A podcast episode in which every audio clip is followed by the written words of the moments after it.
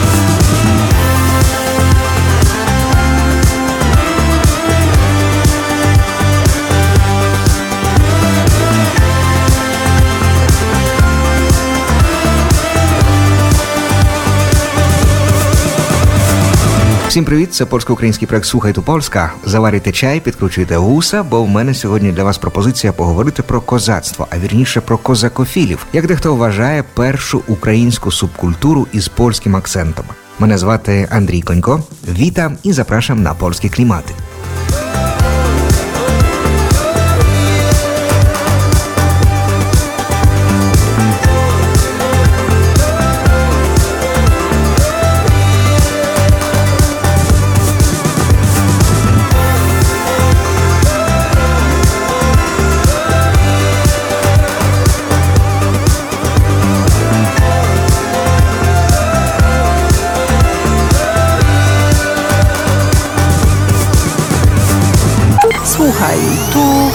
Polska.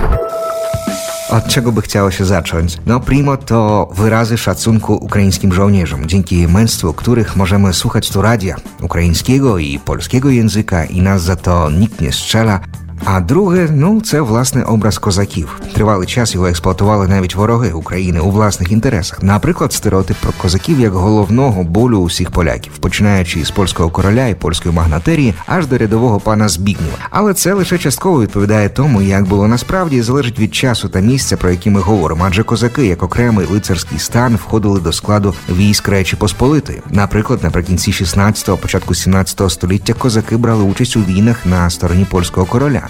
Тут можна згадати московську кампанію, коли українці разом із поляками громили росіян під Клушином під проводом гетьмана Жолкєвського, битву під Цицорою, де війська Речі Посполитої і козаки протистояли туркам, оборону Хотина і гетьмана Сагайдачного. Але козаки це безумовно і козацькі війни проти військ коронних Речі Посполитої. Але після того, як вони відгриміли, образ козака залишився і для українців, і для поляків тим символом у якому зібралися усі надважливі цінності: жага до свободи і готовність за це відчайдушно боротися, відвага і сміливість, безстрашність і мрія відвоювати шаблею своє.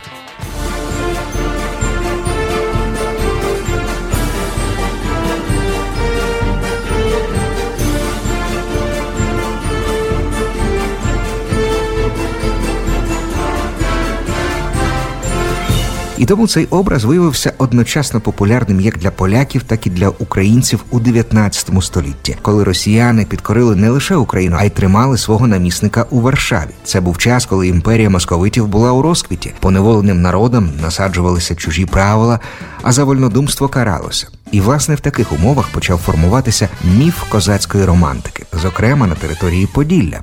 Ей, там десь на чорній воді, на коні козак молодий, залишає він дівчину, залишає Україну. Пісню Гей Соколи іноді приписують польсько-українському поету і композитору Томашу Падурі, який жив і творив у 19 столітті. Але швидше за все це не так, адже у зборах його творів її не було. Але я про інше. Ця пісня теж стала символом козацького лицарського свободолюбивого міфу, думи, яка захоплює серце польській культурі в українській також.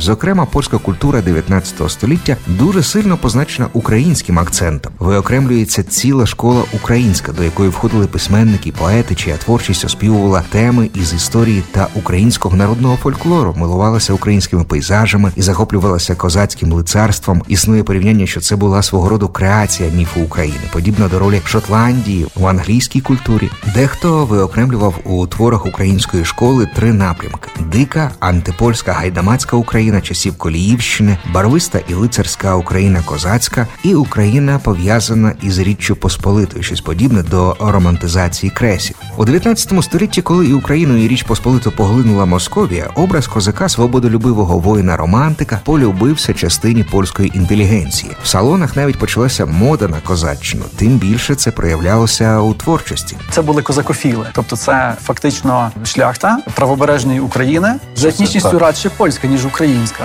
або полонізована і е, на той момент. Е, І вони виростали в реаліях вже неіснуючої речі Посполитої, в реаліях е, ну передовсім Російської імперії.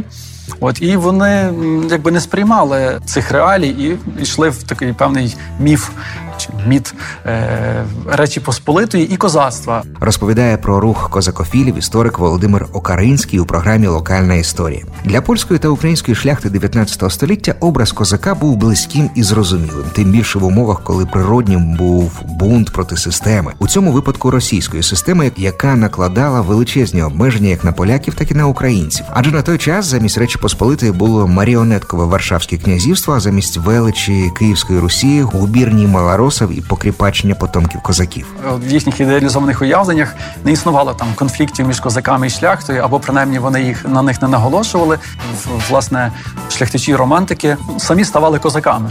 Замилування у козацьких темах проявилося також у побуті. Шляхтичі стригли собі чуби оселедці, вдягали український одяг. Хто був заможніший, пробував додати і в своїх маєтках козацьких мотивів. Козацтво вони розуміли доволі своєрідно по-своєму, намагалися розвивати цей стиль. Ну дуже е, яскравим прикладом е, цього був ну на пізньому етапі, скажімо, е, Садик Паша е, е, Міхал Чайковський, фактично е, основоположник цього стилю з поміж шляхти. Був е, ще один чоловік з східними е, впливами е, Вацлав Живузький або Ржевузький в наш час його називали. Також відомий як е, рудобородий емір або золотобородий емір. Розповідає про рух козакофілів історик Володимир Окаринський в програмі Локальна історія. Теоретиком так званої школи української у польській літературі був Міхал Грабовський. У його праці література і критика він розписав великі фрагменти щодо історії козаччини. Грабовський вимальовує героїчний образ козаччини. Козаки люди зброї, для яких війна буденність. У його розважанні вони лицарі, які пильнують східного кордону Речі Посполитої.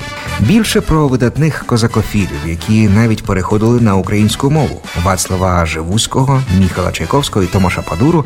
Слухайте за кілька хвилин. Te oczy gorzki znają smak, choć ty nie wiesz nic. Już dawno rozgryzłby mnie świat, gdyby nie ich spryt. Doświadczam słów, o które w snach nie prosiłabym. Uśmiechy kryją strach, a ja jakbym rosła w nim. Zwijam się w kłębek, znikam na więcej, znikam na więcej niż noc. Pali się we mnie całe osiedle, płoną ulice naszych trosk. Pod kulą ogon, nie jestem sobą, nie jestem sobą w te dni. I chyba nie lubię, rozpamiętywać tamtych win. Wyśniłam mały biały dom w samym środku dnia. W salonie lawendowym schron lękoszczelny dach.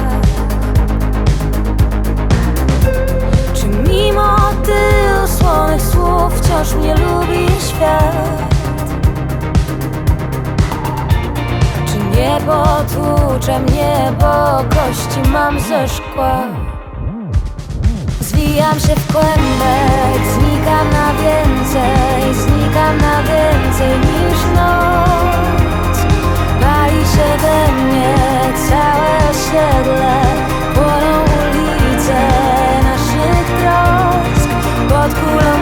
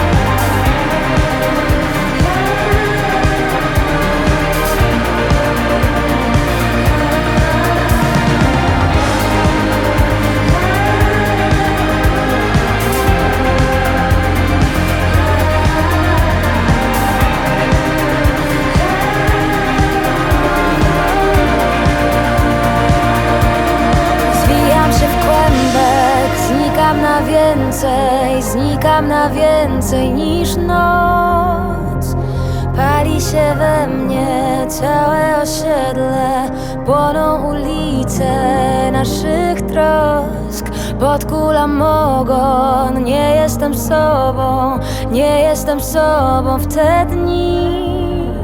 I chyba nie lubię, raczej nie lubię rozpamiętywać tamtych win. Słuchaj, słuchaj. Tu Polska. Наприкінці листопада 1830 року у Варшаві вибухнуло велике антиросійське повстання. Швидко воно поширилося на терени Литви, теперішньої Білорусі та України. Повстання проходило під гаслом за вашу і нашу свободу. Це гасло нам близьке і знайоме сьогодні. Зокрема, на Поділлі воював загін повстанців, які виглядали як воїни з минулого, тобто козаки. Особливістю був не лише зовнішній вигляд вершників, а й те, що воювали вони на породистих скакунах. Це був загін Вацлава Северина Живуського, отамана Ревухи. Він походив із давнього шляхетського роду герба Кривда. Його мати була з Любомирських, а сам Вацлав фанатів від арабських скакунів, на розведенні яких і заробляв. Колись він був із почесною місією на сході, аби підбирати коней у царській конюшні Олександра І. Але також він захоплювався і козаччиною, любив виїжджати у довгі подорожі степовими селами, тусив з українцями. У своєму маєтку намагався відтворити атмосферу січі. Надвірних слуг і помічників кликав козаками. У його маєтку творив Томаш Падура. Сам колишній емір став отаманом отаман Ревуха. А його маєток у теперішньому селі Саврань у Подільському районі Одеської області став осередком козакофілів. От і був на- наприклад е, Ксьонс римокатолицький е, Ян Комарницький, який там придумав е, жартівливі вірші. Падура і Ревуха писали до них музику, а співав козацькі думи надвірний турбаніст князя Євстахія Сангушка Грегор Відорт. Торбан е, чи Торбан це така панська бандура. Е, До речі, Мазепа на ній грав. Вона була поширена серед е, козацької старшини і серед шляхти. Розповідає про рух козакофілів історик Володимир Окаринський в програмі Локальна історія.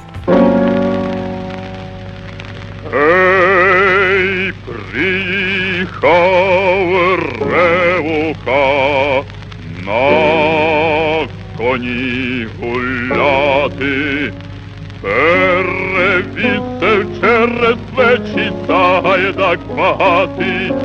Грає море, чорне море, біле море, галокіда.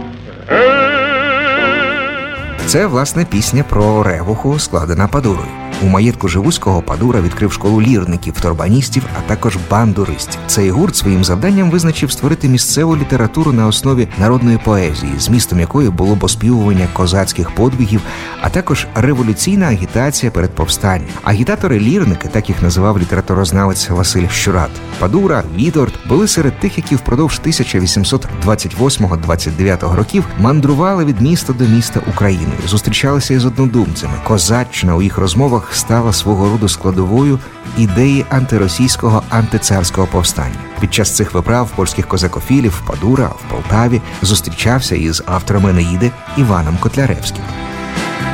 Важливим осередком козакофільства став Бередичів, який гуртував польську і русинську шляхту, яка не бажала русифікуватися. До неї належав, мабуть, найвідоміший після ревухи козакофіл Міхал Чайковський, пізніший садик Паша. Серед козакуючої молоді він був знаний як козак Чайка. Характерною ознакою козакофілів була їх мова. Поляки, які жили серед українців, не мали перешкод і вільно переходили з язика на мову. Під впливом падури українською говорили також галичани Каспар Ценглевич, Януарій Позняк, правобережці Томаш Август Олізаровський, Спирідіон Осташевський, Денис Бонковський, а також інші представники польської аристократії, які проживали серед українців. Окрім мови, характерною була і мода на козацький одяг чи атрибути українських лицарів. Хоча в цьому не йшлося про історичну достовірність: орієнтальні шаровари, чубоселедець, арабський бурнус, накидка, українська висока шапка, кавказька бурка, башлик, романтична хустка на шиї. Тобто це була повна еклектика. Хоча, наприклад, Живузький, тобто Ревуха, любив міняти арабський одяг на українську льняну свитку. До речі, Ревуха ім'я типово козацьке походить видно від дієслова ревти. А зацікавлення козаччиною йшло рука в руку, як я вже і розповідав, із гартуванням повстанських ідей. Тому, коли у листопаді 1830 року у Варшаві вибухнуло антиросійське повстання, козакофіли втягнулися у цю боротьбу дуже органічно. Вона була ніби продовженням їх переконань і мрій. Фактично, шляхта з там південної Волині з Поділля вони е, набрали кілька загонів козаків. Розповідає про рух козакофілів історик Володимир Окаринський в програмі Локальна історія. Отаман Ревуха долучився до повстанців із власним ескадроном із 220 козаків. Серед них був і друг поет Томаш Падура. Листопадове антиросійське повстання стало, на жаль, лебединою піснею козакофілів. У битві під Дашевом 14 травня 1831 року отаман Ревуха загинув. Точніше пропав безвісті, а повстанці не вистояли проти регулярного війська московитів і були вщент розбиті. Саме листопадове повстання поляків також зазнало поразки. Після загибелі Ревухи козакофірство на правобережній Україні згасало. Деякі його відгуки ще трохи часу лунали в Галичині, а в більш карикатурній формі навіть в еміграції у Парижі. Згодом недобитки і молоді адепти руху проявили себе у козацькому загоні садик Паші Міхала Чайковського на службі в османського султана, який воював проти Російської імперії під час Кримської війни. Сам козакофірський стиль у такій формі не міг більше існувати в Україні після 1831 року в умовах російських антипольських і антиукраїнських репресій. Однак дух свободи пов'язаний з українським акцентом і характером, російські заборони стримати не могли. І новим альтернативним рухом серед антиросійськи налаштованої шляхти польської і русинської стало українофільство, рух народників. Рух, який втілював любов до простого народу, і це явище було ширшим ніж лише зацікавлення козацтвом. Чергове антиросійське повстання поляків, у якому брали участь також і українці, відбулося у січні 1863 року. І частина хлопоманів, тобто народників, які одночасно називали себе і українцями, і поляками, оскільки мали подвійну ідентичність, намагалися прив'язати це народництво, цю хлопоманію до ідеї антиросійського повстання, яку ширили серед простих людей, і мали у цьому деякий успіх. Хоча, друзі, це вже тема, яка заслуговує na окрему увагу. A na dzisiaj to tyle. Życzę powodzenia i spotkamy się jutro w nowym odcinku Słuchaj, tu Polska. Ona umie fruwać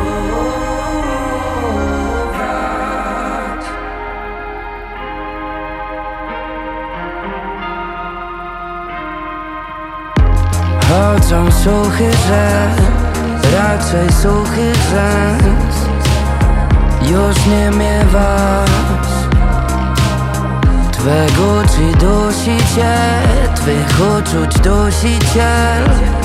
Twój czas by się zmywać.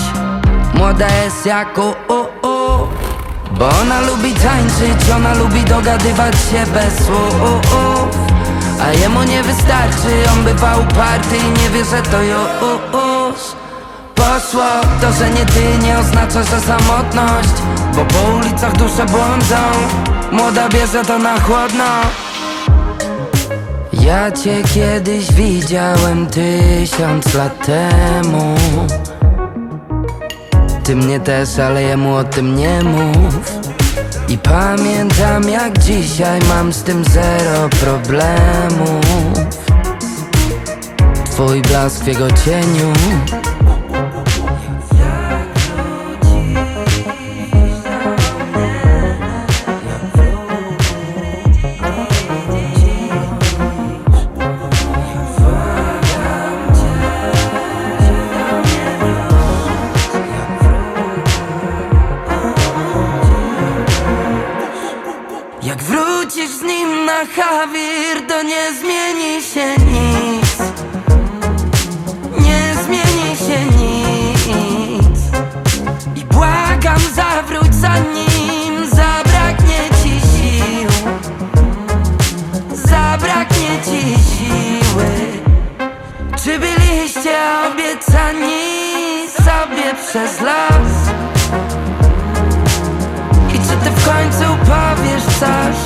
Czy może rzeczywiście ja nie w swoje sprawy wkładam swój nos? I coś czuję, że to może być to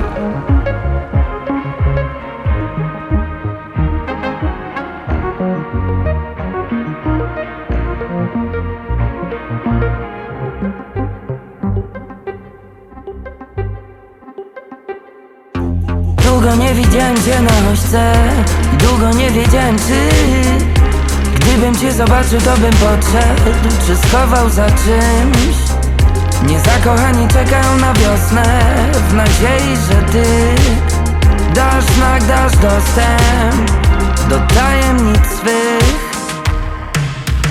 Młoda jest jak o, Bo ona lubi tańczyć, ona lubi dogadywać się bez słów wystarczy, on bywa uparty i nie wie, że to już Poszło